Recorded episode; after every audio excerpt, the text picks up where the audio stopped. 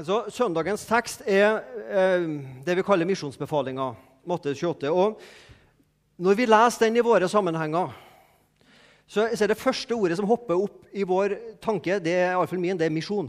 Når du leser disse versene fra 28, Matte 28. Misjon. I dag, når denne prekenteksten er satt opp, så er det ikke fordi at det egentlig skal handle om misjon, men det er det dagen i dag kalles treenighetssøndagen. For vi, døper, vi døpte Astrid til Faderen, Sønnen og Den hellige ånds navn. Så det er faktisk som en treenighetstekst. Den er satt opp i dag. Men jeg skal likevel snakke om misjon og ikke treenighet. Men nå, Kårian, må du få opp den internettsida. Så skal, skal jeg vise dere noe veldig kjekt her. Eh, kommer dere hjem, og så går dere på Misjonssalen. Da skriver dere inn misjonssalenpodkast.com. Er ikke det? Ja. Misjonssalenpodkast.com. Da kommer du til ei taleside eh, der vi laster opp talene fra Misjonssalen. Og så går du på Podcast Archive. Og så får du opp eh, formaksmøter og litt av hvert. Eh, spor trykker du på. Og så scroller du nedover. Og så går vi tilbake til ett år til. Der. Og da kommer det opp en tale av Yngve, Giljebrekke om treenigheta. Så siden jeg ikke skal preke om treenigheter, så kan dere gå hjem, misjonssandpodkast.com, og arkiv, sportaler, og så finner dere Yngve Gillebrekke der.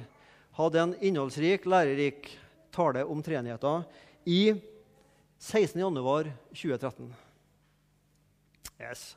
Ja da, det må vi ta med. Men da går vi tilbake til dagens tekst.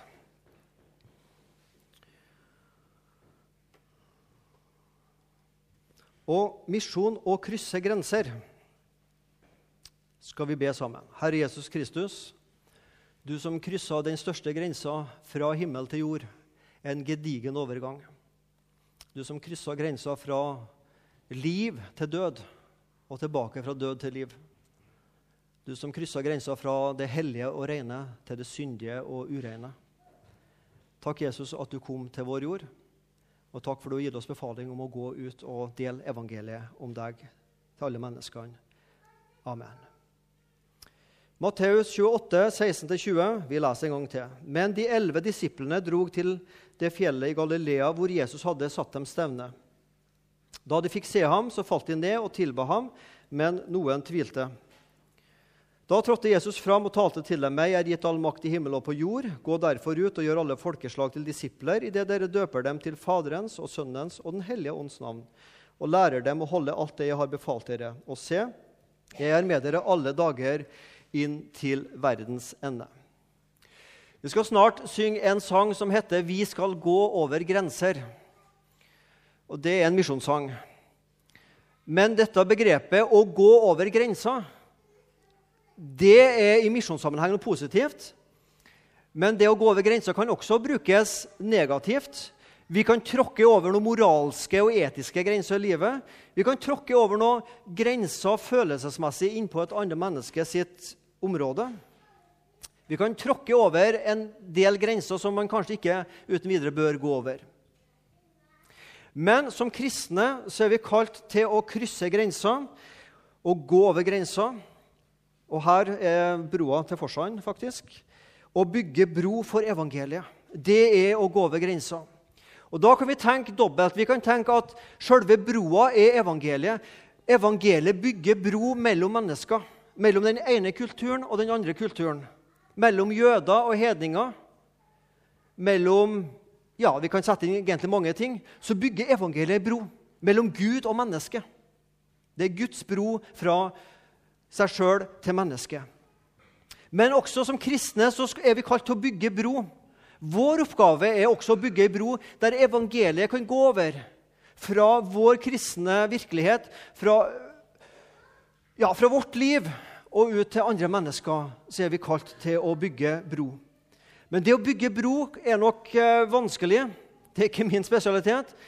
Men i alle fall i misjonssammenheng så er det snakk om språklig bro.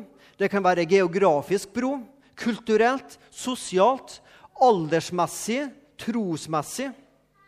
Og som vi skal se, det å krysse noen grenser, det utfordrer meg og deg på det vi kaller vår komfortsone. Det vi føler oss kjent og trygt med. Og det å krysse noen grenser er alltid noe grenseoverskridende, noe som utfordrer vår komfort. Abraham. Og Herren sa til Abraham, det var før han fikk det nye navnet, dra bort fra ditt land. Første Mosebok 12. Dra bort fra ditt land, din slekt og fra din fars hus, til det landet jeg skal vise deg. Jeg vil gjøre deg til et stort folk, jeg vil velsigne deg og gjøre ditt navn stort. Og du skal bli en velsignelse. Jeg vil velsigne dem som velsigner deg, og dem som forbanner deg, vil jeg forbanne.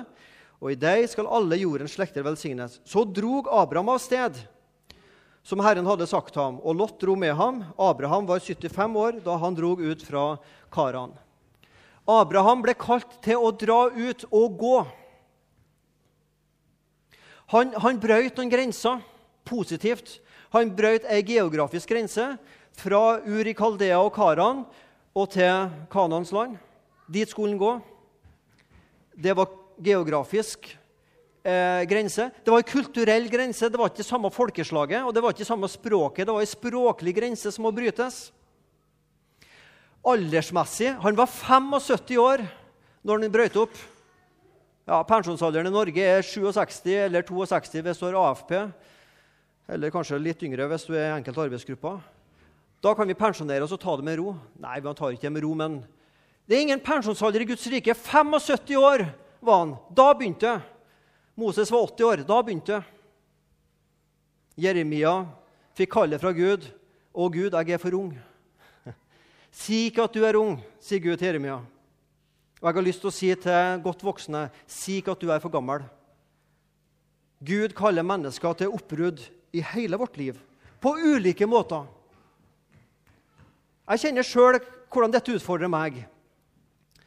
Jeg var i Tromsø for en del år siden, der bor foreldrene mine. Skulle ta eh, båten fra Tromsø til Senja, hurtigbåt.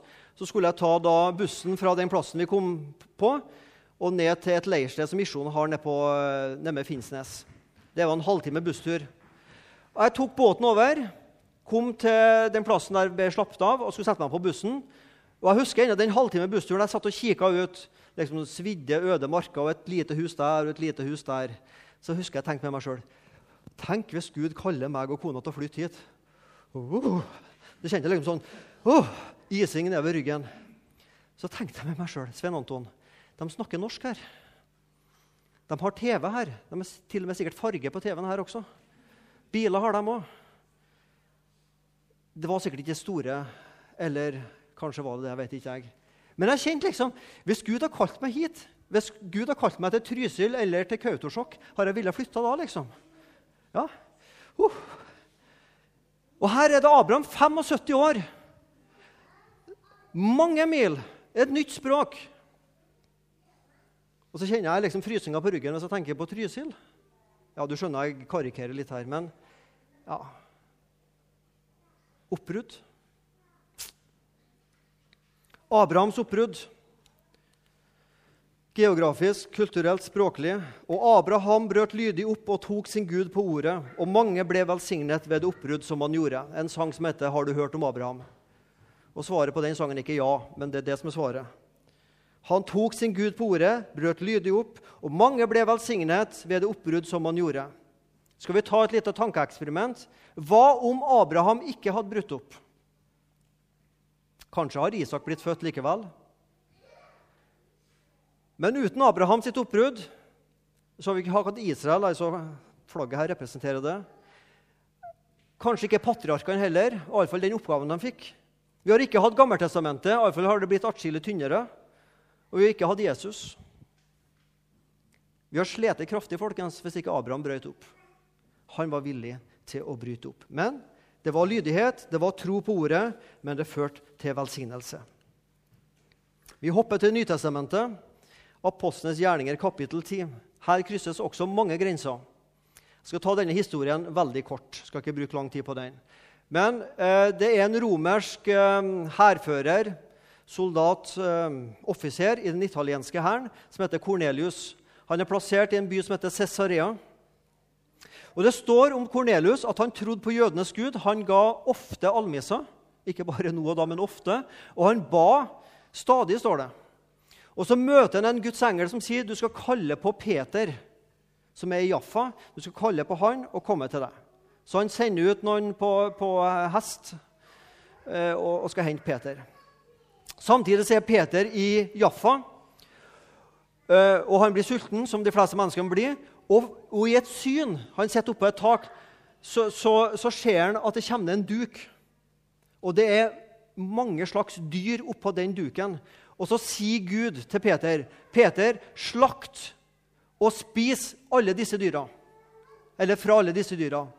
Men Peter sier nei, det kan ikke jeg, for her er det mange ureine dyr, og jeg som jøde kan ikke spise ureine dyr. Ja, men du skal ikke kalle noe ureint som jeg har skapt, sier Gud.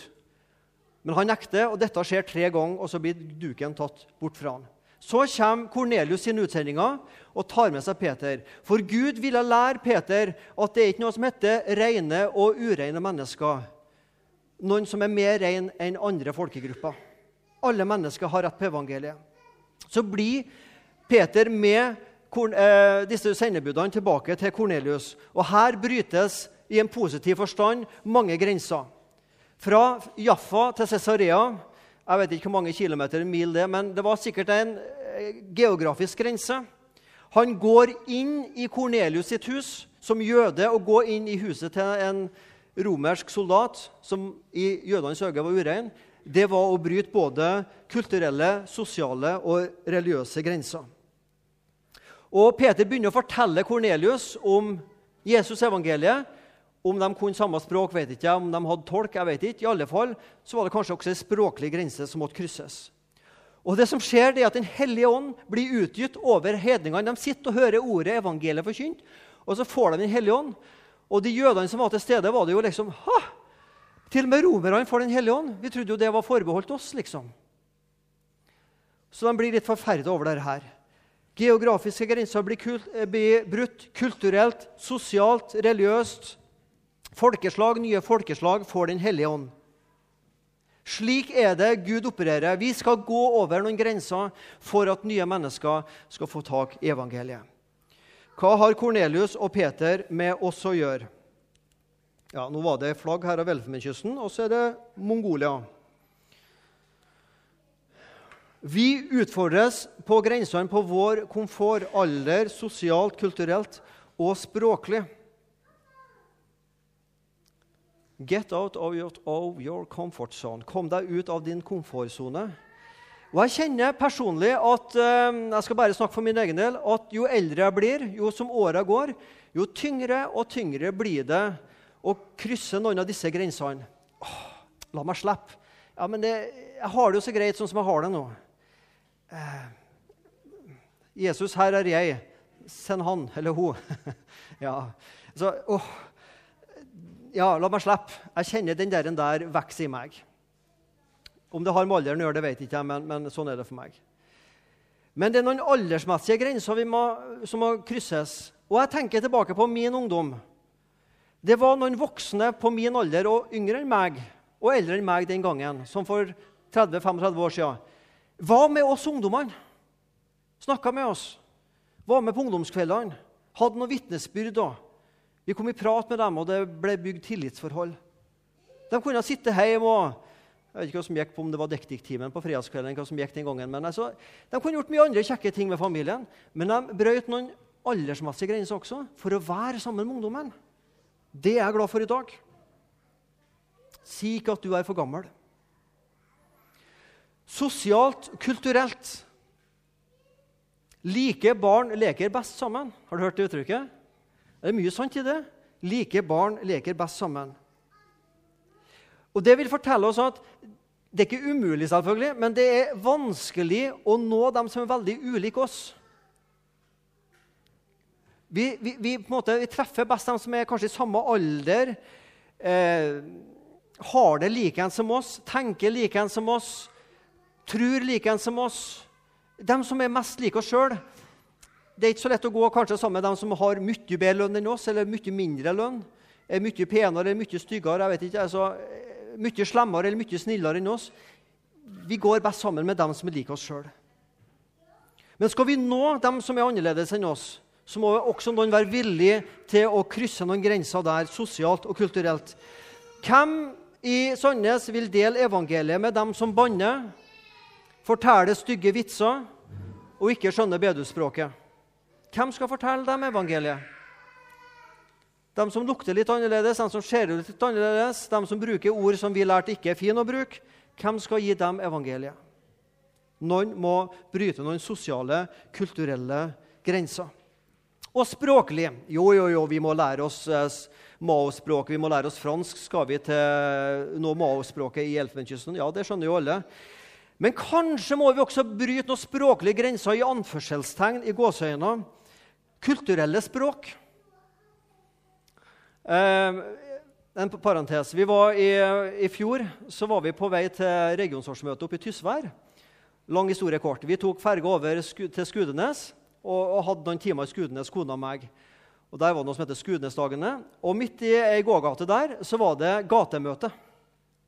Der var det noen godt voksne folk som hadde trekkspillet og gitarene og sang eh, bedehussangene og vitna imellom. Og jeg kjente når jeg hørte på dem ja, Kanskje ikke helt min musikksmak, men, men jeg synger jo de sangene av og til. Og det de sa liksom, Jeg har hørt det mange ganger før. Jeg kan alle kodene, jeg kan alle språket og uttrykkene. Så tenkte jeg med meg sjøl De menneskene som aldri går i kirke og bedehus, og hører og hører på hvordan de ordlegger seg Jeg tror nok her var det en del språklige grenser med måten vi snakker om troa på. Jeg kan si til dere da møtte Jesus meg, arme, fattige, skrøpelige synder, så møtte jeg den rettferdige Jesus og hans blod som forsona meg og som tilga meg alle mine synder. Ja, det skjønner dere som har gått i kirka og bedehus hele tida. Og de som ikke har gjort det, de kan høre det og ha en forståelse av det. Men hvordan kan vi ordlegge oss sånn at vi forklarer troa vår til mennesker som ikke går i kirke og bedehus til vanlig? Det er utfordringa, folkens. Så språklige grenser på den måten.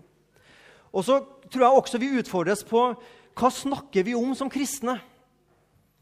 Altså, det fins flere lag, nivå, å snakke på. Vi kan snakke om været. Det er veldig eh, lite farlig. Vi kan snakke om fotball. Det kan bli litt mer farlig. I når det er brann i Bergen, så kan det fort bli farlig å snakke om sånn. Vi kan begynne å snakke om fritida vår og ferie. Jeg var veldig glad jeg fikk sagt akkurat det der. Vi kan begynne å snakke om jobb og familie. Og vi kan begynne å snakke om personlig tro og personlige problemer. Det blir på et helt annet nivå enn å snakke om vær og vind. Men jeg tror det å gå over noen grenser der for å komme i kontakt med mennesker, det må vi av og til tørre. Men også kristelig. Hva er det vi som kristne om, snakker om når vi samles? Hva er det fort vi begynner å snakke om? Jo, Vi begynner kanskje fort å snakke om alt det så farlig og gale i verden. ja, Eh, og så begynner vi å snakke om eh, aktiviteter vi er med på. Arbeidet.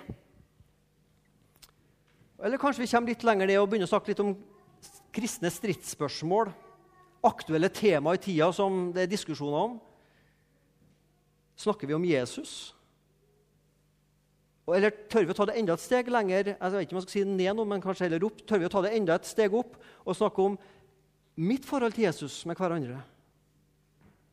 Jeg tror vi må bryte noen språklige grenser som kristne også, for at det med Jesus skal bli naturlig blant oss å snakke om.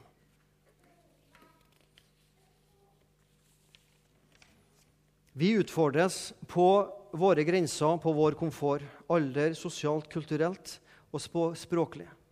Og Når vi kjenner at komforten utfordres, så stiller jeg i hvert fall fort spørsmålet koster det meg noe. Må jeg gjøre noe? og tar det tid. Tar det av tida mi, tar det av pengene mine og går det av kreftene mine. Jeg har lyst til å se det kristne arbeidet som gjør framgang, og der grenser krysses, der det verken koster tid, penger eller krefter. Det har jeg til gode å se. Det må vi være villige til. Tid, penger og krefter for at evangeliet skal nå lenger ut i det kulturelle landskapet vi lever i i Sandnes og Norge, og lenger ut på misjonsmarka. Der vet vi at det koster penger. Men det kan det også gjøre her, og tid og krefter. På 70-tallet og Fram til rundt ca. 1980 så levde en flott kristen sanger i England som heter Keith Green. Han døde i ei flyulykke. Og nå skal jeg lese en av uh, sangene som han skriver, som jeg kjenner skikkelig utfordrer meg. Kanskje deg også. Og så skal jeg prøve å oversette. I 'Asleep in the light' og 'sove i lyset' på godt trøndersk. Do you see, do you see all the people sinking down? Ser du alle menneskene som synker ned? Don't you care, don't you care? Are you gonna let them drown? Bryr du deg ikke om at de drukner? How can you be so numb not to care if they kom. Hvordan kan du være så likegyldig om, og bry deg om de kommer eller ikke til Guds rike? You, uh, you close your eyes and pretend the job is done. Du lukker øynene og tenker ja, andre får gjøre jobben. Oh, bless me, oh Lord, oh bless me. You know it's all I ever hear. Å, velsign meg, velsign meg, Herre. Er ikke sånn det er i kristne forsamlinger? Velsign meg, jeg, jeg, Herre. Eh? Det er det vi hører overalt. No one aches, no one hurts, no one even sheds one tear. Ingen har det vondt, ingen kjenner smerter, ingen feller tårer for dem som går fortapt. But he cries, he weeps, he bleeds, and he cares for your needs. Han griner, han, han, han blødde for våre behov. And you just lay back and keep soaking it in. Oh, can't you see it's such sin? Og vi bare legger oss tilbake og lar det bare flyte og gå. Og vi må se at det, det er en synd å tenke sånn. Because he brings people to your door. Han får folk til å komme til din dør. And you turn them away as you smile and say. Og du bare snur deg vekk og smiler mens du sier, God bless you, be at peace. Gud velsigne deg og ha fred i hverdagen. And all, I, and all heaven just weeps. Men himmelen, den griner. Cause Jesus came to your door, and you left him out on the street. Men Jesus han kom til de dør, men det var han du lot bli på utsida. The world is sleeping in the dark verden søv i mørket. That a church can't fight because it's asleep in the light. Men Guds rike, Guds kirke, klarer ikke å kjempe, for vi søv i lyset. Lysets barn søv i lyset. How can you be so dead when you, even, when you have been so well fed? Hvordan kan du bli så død når du har fått så mye fra Gud? Jesus rose from the grave, and you can't even get out of your bed. Jesus han sto fra døde, og vi klarer ikke engang å komme oss ut av senga. Oh, Jesus rose from the dead. Come on and get out of your bed. Vi må ut av en komfortsone. Det er behagelige, og jeg kjenner det sjøl. Jeg trenger ikke å liksom bruke pekefingeren her på dere. Jeg kan bruke den på meg sjøl. La meg slippe. La andre gjøre det.